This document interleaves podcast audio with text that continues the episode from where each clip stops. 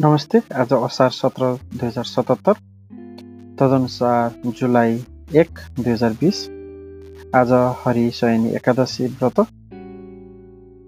चतुर्मास व्रत आरम्भ हामी गन्थन रकमद्वारा सञ्चालित पोखरा न्युज पडकास्टबाट उपस्थित भएका छौँ गण्डकीमा कोरोना सङ्क्रमित हजार बढी पोखरामा थप तिनजनामा सङ्क्रमित कवि शिरोमणि लेखनाथ आधारभूत विद्यालयका विद्यार्थीलाई पोसाक वितरण र पेट्रोल डिजेल र मट्टीतेलको मूल्यमा वृद्धि।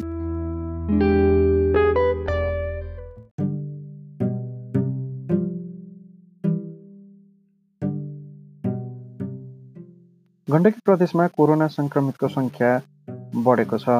बुधबार बिहान अठाइस र बेलुकी बाह्रजना सङ्क्रमित थपिएसँगै एक हजार छजना पुगेको स्वास्थ्य निर्देशनालय गण्डकी प्रदेशका निर्देशक एवं कोरोना नियन्त्रण तथा रोकथाम कार्यक्रमका प्रवक्ता डाक्टर विनोद बिन्दु शर्माले जानकारी दिए। पोखरा स्वास्थ्य विज्ञान प्रतिष्ठानमा गरिएको पिसिआर परीक्षणमा पछिल्लो पटक लमजुङका दस कास्कीका तिन र भरतपुर अस्पताल चितवनमा गरिएको परीक्षणमा नवलपुरका एकजनामा कोरोना सङ्क्रमण पुष्टि भएको हो। सङ्क्रमितलाई आइसोलेसनमा लैजाने तयारी भइरहेको शर्माले जानकारी दिए।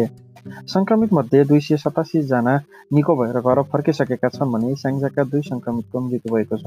पछिल्लो चौबिस घन्टामा नेपालमा थप चार सय बयासीजनामा कोरोना भाइरस कोभिड उन्नाइसको सङ्क्रमण पुष्टि भएको छ।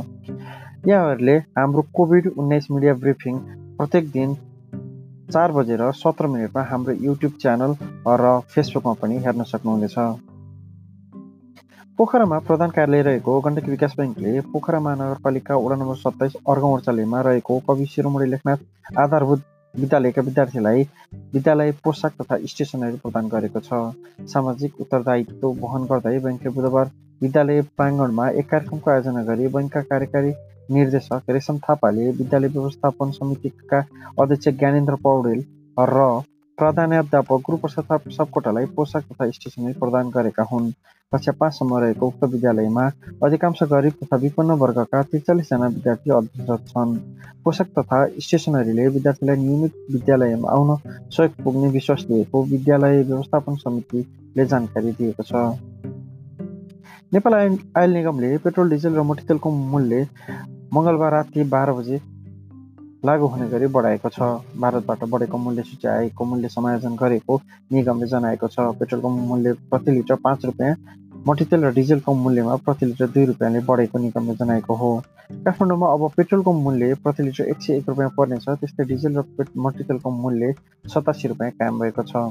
पोखरामा भने पेट्रोलको मूल्य प्रति लिटर एक सय रुपियाँ पचास पैसा पर्नेछ भने डिजल र मोटरसाइकलको मूल्य प्रति लिटर छयासी रुपियाँ पचास पैसा पर्नेछ। खाना पकाउने ग्यास र हवाई इन्धन इन्धनको मूल्य भने यथावत रहेको छ।